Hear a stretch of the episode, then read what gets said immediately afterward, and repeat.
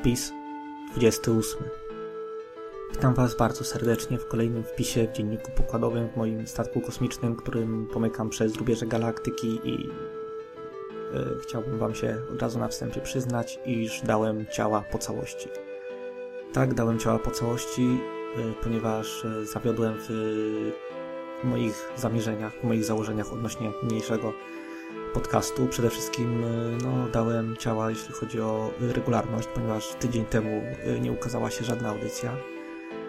I miałem też drobne problemy z blogspotem, z uploadowaniem kolejnych epizodów. Trochę mi się tu pomieszało na moim blogu, przez co no, może powst mogło powstać małe zamieszanie, jeśli chodzi o odcinki, a także ich dostępność. Oczywiście wszystko jest do ściągnięcia, ale player na stronie działa jak chce.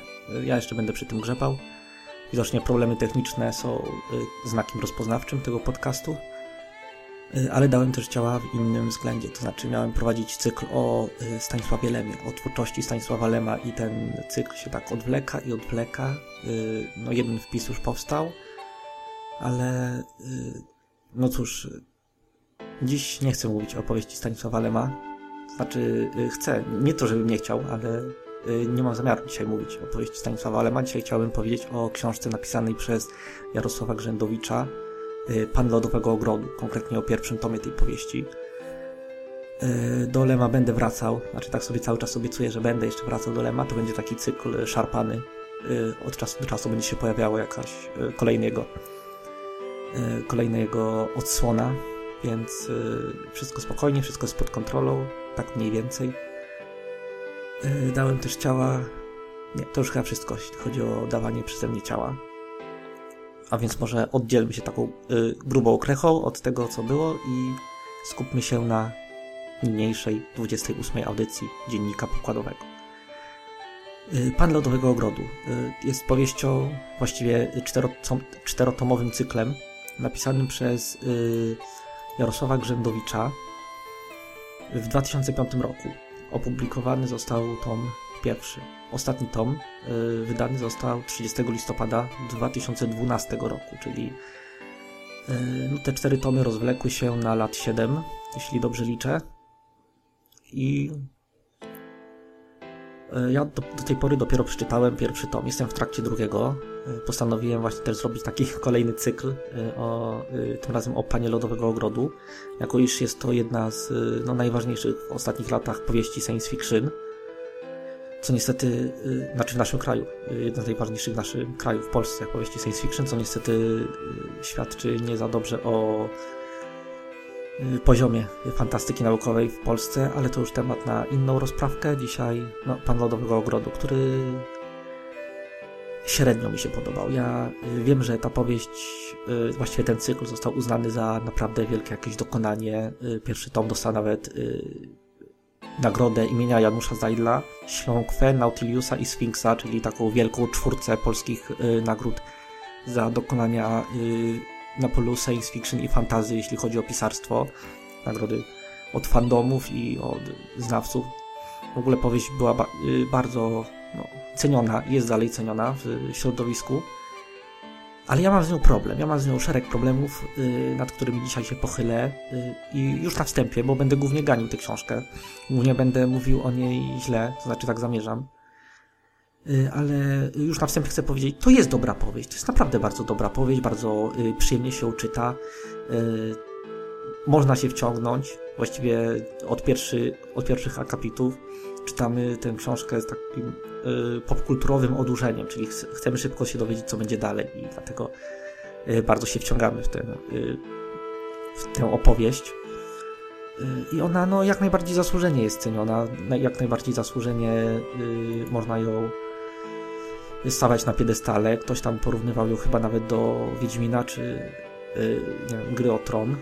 To są kompletnie od czapy porównania ponieważ no Wiedźmin, nie oszukujmy się, to już jest klasyka klasyk i trudno porównywać y, tego typu no y, powie, powiedzmy sobie szczerze y, pulpową powieść, pulpowy cykl powieści do no takiej klasyki klasyk jak Wiedźmin ale dajmy już spokój. Otóż fabuła. Głównym bohaterem pana lodowego ogrodu jest Ukko Drakkainen, który wysłany został do, na planetę Midgard, na której odkryto dość rozwiniętą cywilizację, podobną do ludzkiej, raz istot podobnych też do ludzi i Zaginęła tam ekspedycja wysłanych y, ksenologów, którzy mieli zbadać tę cywilizację. I ów y, nasz bohater główny, Ukko Drakkainen, y, jest y, osobą wyznaczoną do sprawdzenia, co tam się stało, y, dlaczego stra y, ekspedycja straciła kontakt z Ziemią, dlaczego nie odpowiada na wyzwania, co się stało z tymi ludźmi, czy oni żyją, czy nie żyją, jakie postępy poczynili w badaniu planety. I właśnie nasz Ukko Drakkainen, y, wyposażony w katorżniczy trening, w wysokie umiejętności, w, we wszczepioną w, nie wiem, w żołądek y, amebą, która y, podrasowuje mu umiejętności, refleks i tak dalej. Ów gadżet zwany jest cyfralem.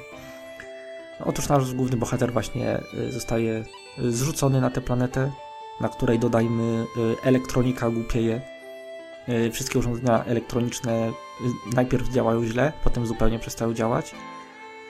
I właśnie nasz bohater e, jest zmuszony wtopić się w tłum, albowiem kontakty, ujawnienie prawdziwej natury swojej misji i no, zdradzenie się, iż jest się przybyszem z innego świata jest zakazane i ma za, ma za zadanie odnaleźć i sprowadzić z powrotem na Ziemię Y, członków ekspedycji.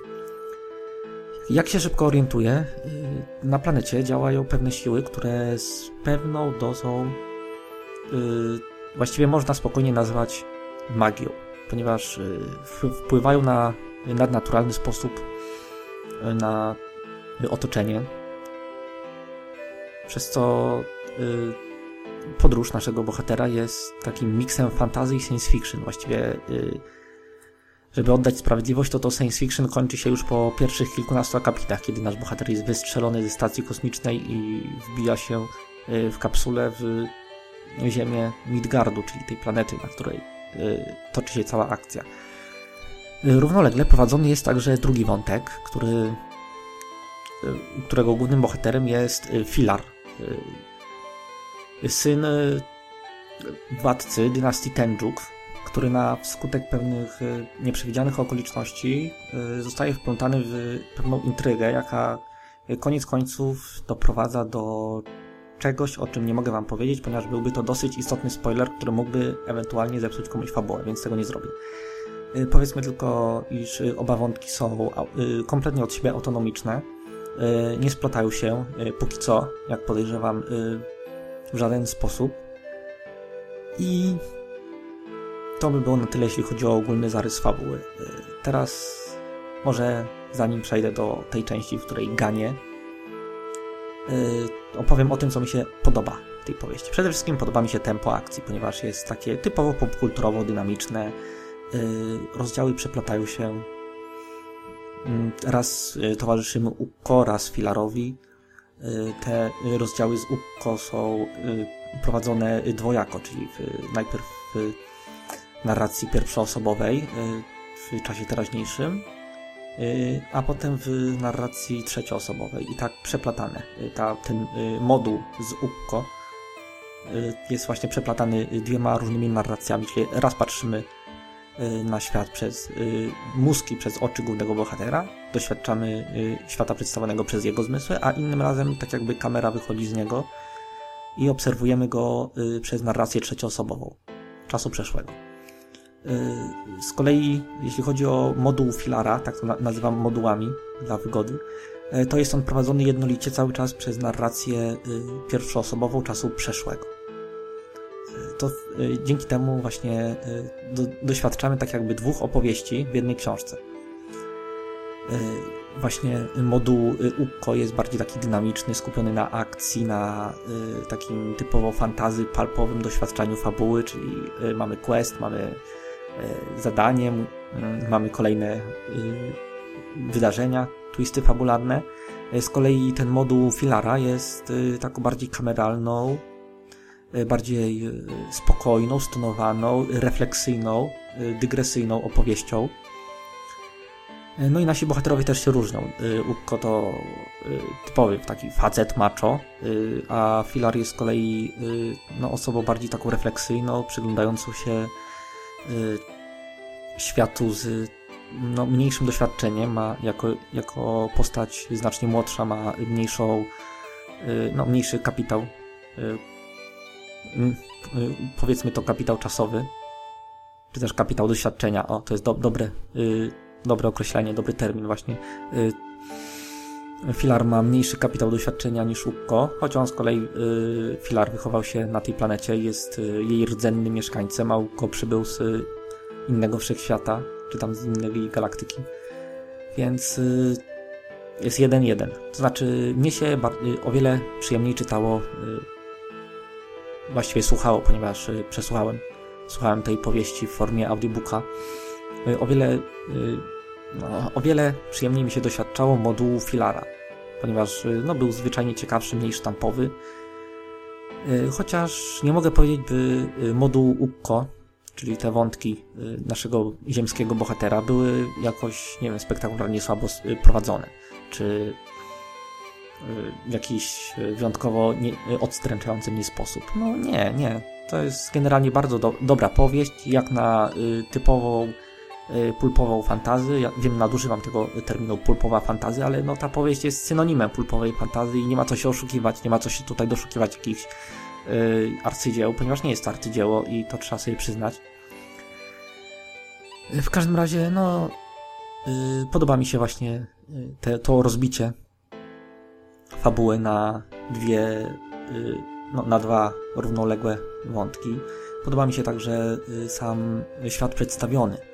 Dość mocno wzorowany na Skandynawii. Dużo jest takich nawiązań do cywilizacji wikingów. Y, przez co no, y, czyta się to dość y, miło. To jest takie, jeśli chodzi o wykreowanie pewnego określonego klimatu, to ja jestem beznadziejnym estetą. Jeśli twórca, pisarz w tym wypadku umie wykreować taki klimat, to ja, już jestem kupiony. I tutaj powiem wam, że Grzędowicz mnie kupił tym klimatem, tym, tą wilgocią, tą wszechoba, wszechobecną obcością, a jednocześnie swojskością tego świata, tymi fiordami, które tam jedzą z ręki głównemu bohaterowi. E, tymi e, no, niezwykłymi krajobrazami, które potrafi bardzo plastycznie opisać. E, to mi się bardzo podoba, to jest niekwestionowany plus tej powieści. Bardzo oryginalna właśnie otoczka. To nie jest typowy taki świat fantazy typu elfy, krasnoludy. No, widać tutaj, że Grzędowicz jest osobą bardzo kreatywną i potrafi w sposób kompetentny, kompletny wykreować naprawdę interesujące uniwersum. I na tym chyba myślę zakończę moje mówienie o plusach tej powieści, ponieważ chociaż koniec końców to jest dobra powieść, ja tego nie zaprzeczam, chcę jeszcze raz to podkreślić, nie zaprzeczam, że jest to udana, bardzo udana powieść, to jednak e, ja podczas jej lektury cały czas się irytowałem. Byłem bardzo poirytowany pewnymi rzeczami, które może nie rzutują na całość powieści, ale y, mnie w znacznym stopniu psuły przyjemność y, z jej czytania. No zacznijmy może od tego, co mnie najbardziej raziło, czyli główny bohater Ukko Drakkainen, który jest y, bucem. To jest po prostu buc. Ten bohater jest bucem, naprawdę. Najbardziej bucowatym bucem, jakiego spotkałem w literaturze fantazy czy science fiction, a czytałem dużo tego typu y, powieści i naprawdę dużo takich tego typu bohaterów strawiłem, a jakoś strawić nie mogę. To jest typowy taki macho, samiec alfa, który mm, strasznie się jara tą swoją zajebistością, który, któremu się, który ma takie bardzo wysokie mniemanie o sobie, takie przeświadczenie o własnym, ma pewną własną filozofię życiową, z którą ja osobiście się nie zgadzam i która y, jest y, no bardzo, bardzo y, no naiwna, taka niby dojrzały bohater, niby dojrzały mężczyzna, a jednocześnie niestety wizję świata ma bardzo, bardzo naiwną. Przede wszystkim ta jego pogarda do stylu życia ziemskiego, czyli tego, z którego pochodzi, że tam wszystkie, wszystko jest ograniczone, że w, funkcjonuje w świecie, który jest no, obwarowany tyloma zasadami i prawami, że nie czuje się w nim swobodnie. No jego prawo ale jednocześnie jest to z jego strony wielka hipokryzja, ponieważ ten świat ziemski, z którego pochodzi, którym gardzi, no dał mu ten, ten trening i te umiejętności, tą amebę, która mu siedzi w brzuchu i produkuje jakoś tam hiperadrenalinę bez których, y, no, y, dawa mu te rzeczy, bez których nie przeżyłby na tej planecie, którą tak y, poważa za taką, no, konserwatywną i, no, Grzędowicz jest konserwatystą i właśnie przelał, myślę, trochę za dużo tych swoich poglądów w postać głównego bohatera, żebym ja mógł się z nimi, no, żebym ja mógł się z nimi w jakiś sposób identyfikować. E, no co może konserwatywnym czytelnikom nie przeszkadzać. To oczywiście dochodzi też wrażliwość światopoglądowa. To, to, co dla mnie na przykład jest e, drażniące, dla innych może być, nie wiem, e, potwierdzeniem ich własnych przemyśleń. No to jest okej, okay, ja to rozumiem. Ja tylko zaznaczam, że dla mnie ten bohater jest bucem, prostakiem i naprawdę bardzo, bardzo trudno było mi się do niego przyzwyczaić i wciąż się jeszcze nie przyzwyczaiłem i no cóż, no powiedzmy, że nie podoba mi się główny bohater, jeden z dwóch głównych bohaterów. Y, Filar jest bohaterem już y, mniej y, sztampowym, takim znaczy no mniej drażniącym mnie. Jako syn cesarza tam jest też poddawany pewnemu treningowi, który ma z niego zrobić monarchę. Jakoś łatwiej mi jest się identyfikować właśnie z tym bohaterem, ponieważ nie wiem, może z racji wieku, że Chociaż szczerze powiedziawszy, jeśli wziąć wiek jednego i drugiego bohatera i wyciągnąć średnio, to byłby mój obecny wiek. Więc y, nie wiem czego to jest kwestia, ale to pewnie y, faktu, iż, y, no, faktu kreacji bohatera. No mnie to w każdym razie bardzo, bardzo drażniło i bucowatość głównego bohatera jest jedną z tych rzeczy, która no już na wstępie dość odrzuciła mnie od tej książki. Długo, długo musiałem brnąć przez nią, żeby w końcu jakoś w jakimś tam stopniu to zaakceptować i cieszyć się lekturą. E, co mi się jeszcze nie podoba w tej powieści? E, nie podoba mi się fakt, iż e, jest ona prowadzona właśnie w filmowy sposób. Te opisy, jakie tworzy autor, w dużej mierze są tak jakby no nie bardzo wiem w jaki sposób to powiedzieć, może w ten sposób, że tak jakby Grzędowicz oglądał jakiś film i spisywał dokładnie to, co widzi. Wszystkie ujęcia, wszystkie kadry, y, opisuje w jaki sposób y, y, pewne rzeczy zostały ukazane na ekranie. I tutaj właśnie mamy do czynienia właśnie z, takim, z taką transkrypcją filmu pisemną, ponieważ no jak to czytamy, to wyobrażamy sobie, jakby to wyglądało filmowo. Jakieś takie typowe ograne klisze, jak nie wiem, przecięty bohater czy tam przecięty potwór, z którym walczy nasz bohater, y, upada po drugiej stronie, stoi chwilę, pada i się rozpada na kawałki, czy coś takiego.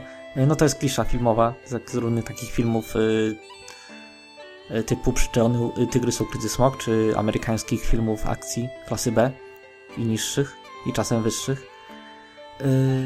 Mnie to przeszkadzało, ponieważ jeśli ja czytam książkę, to chcę czytać książkę, a nie czytać transkrypcję filmu. I ja rozumiem, że coś takiego może się sprawdzić, jeśli chodzi o y, czytelników y, no, już trochę młodszego niż ja pokolenia. Ale to staro zabrzmiało, jakbym był nie wiem jakim emerytem, ale mm, dla takich, którzy są przyzwyczajeni do typowych scen akcji w filmach i y, dla nich mogłoby to być właśnie takim, no, taką bardzo sympatyczną rzeczą, ponieważ gładko by w to weszli, ponieważ to jest książka, która operuje stricte filmową narracją. Y, mnie to przeszkadzało, ponieważ jak już mówiłem, ja jestem, no jeśli chodzi o książki, jeśli chodzi o literaturę, to ja jestem konserwatystą w tym względzie trochę. I no przeszkadzało mi to, nie wiem. Też lubię filmy akcji, ale yy, też lubię książki przygodowe i chciałbym czytać książkę przygodową, a nie czytać film akcji, a tutaj no w kilku yy, dość uciążliwych fragmentach yy, aż dojmująco czułem, że czytam transkrypcję jakiegoś filmu akcji to dodajmy nie najmądrzejszego. No nic, y, Kolejny zarzut, ale to już nie będzie zarzut bezpośrednio w stronę książki, tylko bezpośrednio w stronę fandomu, który obwieścił ją takim jakimś nowym Wiedźminem, nową, e, wiem, nową mega jakąś sagą, która jest e, taka super i wielki ten szał. Ostatnio z powodu wyjścia czwartego tomu, jakaś, jakiś szum medialny w tych kręgach fandomowych. E, ludzie, poważnie? Przecież to jest, no to jest przyzwoita, no okej, okay, przyzwoita, ale nie oszukujmy się, średnia, dosyć przeciętna powieść na granicy fantazji i science fiction. No, to nie jest żadne, żadne objawienie, to nie jest żaden nowy Wiedźmin, to nie jest żadna intertekstualna y, opowieść postmodernistyczna, która y, przełamuje kanony fantasy i science fiction, to jest, no to jest właściwie taki y, komiks. To jest właśnie typowo komiksowa opowieść, z typowo komiksowo przerysowanymi bohaterami, mało odkrywczymi dygresjami. To jest, to jest po prostu dobra powieść. I naprawdę nie widzę powodu, żeby się jakoś nią specjalnie zachwycać. Y, ja się nią, y, ja jestem zadowolony, że przeczytałem pierwszy tom i przeczytam kolejny i go też opiszę i też go zrecenzuję tutaj. Ale y, nie mam najmniejszego zamiaru padać przed nim na kolana i zachwycać się, bo ta powieść, ona jest przyzwoita pod każdym względem, powiedziałbym. Ma przyzwoitą narrację, naprawdę bardzo plastyczną, bardzo dobrą, pomijając już te filmowe mankamenty, pseudofilmowe mankamenty. Yy, naprawdę ba bardzo ciekawie wykreowany świat. Tutaj jest akurat powyżej przeciętnej. Yy, no, naprawdę interesującą fabułę, choć trochę długo się rozwijającą i niestety końcówka pierwszego tomu jest rozczarowująca bardzo. Ja byłem rozczarowany, kiedy ją przeczytałem. Yy, ale no nie oszukujmy się, to jest, to jest pulpa. To jest pulpowe fantazy, naprawdę. I tak na, to, na tę książkę trzeba patrzeć. To jest coś, przy czym można, nie wiem, siąść w fotelu, zaparzyć sobie mocnej herbaty, i y, usiąść do lektury. To nie jest jakaś powieść, która, y, nie wiem, zmieni kanon science fiction czy fantazy. To jest no, po prostu dobra powieść i właśnie z tym z tym stwierdzeniem chciałbym no, zakończyć tę moją recenzję pierwszego tomu Pana Lodowego Ogrodu. Yy, I to już by było myślę na tyle, ponieważ nie chcę się już niepotrzebnie irytować tym bucowatym bohaterem. To mnie właśnie tak do tej pory strasznie boli. Ale no nic, zobaczymy jak będzie dalej. Mam nadzieję, nie wiem czy ta powieść jakoś się rozwinie. Yy, unikałem jej recenzji, ponieważ zawsze planowałem ją sobie przeczytać kiedyś tam w przyszłości. Ciągle to odkładałem, odkładałem. No w końcu yy, zaopatrzyłem się w e-booka, znaczy w audiobooka. No i przesłuchałem pierwszego tomu. Yy, teraz, y, nie wiem, wybiorę się do biblioteki, wypożyczę sobie kolejne. Miejmy nadzieję, że y, nie wiem, jakoś rozwinął się może ten szał na punkcie pana lodowego ogrodu jest jakoś usprawiedliwiony w kolejnych tomach, może tam jest jakiś super y, y, progres i ta fabuła naprawdę staje się czymś y, wybitnym. Wątpię, ale no nie skreślam powieści. Zobaczymy jak to będzie. I to już by było naprawdę na tyle. Dziękuję Wam za wysłuchanie mojej takiej małej recenzji Pana Lodowego Ogrodu i zapraszam za tydzień. Mam nadzieję, że opowiem o czymś co zaplanowałem sobie na kolejne podcasty i nie wyskoczy mi coś tak jak teraz z Panem Lodowego Ogrodu, którego miałem e, na początku w ogóle nie recenzować.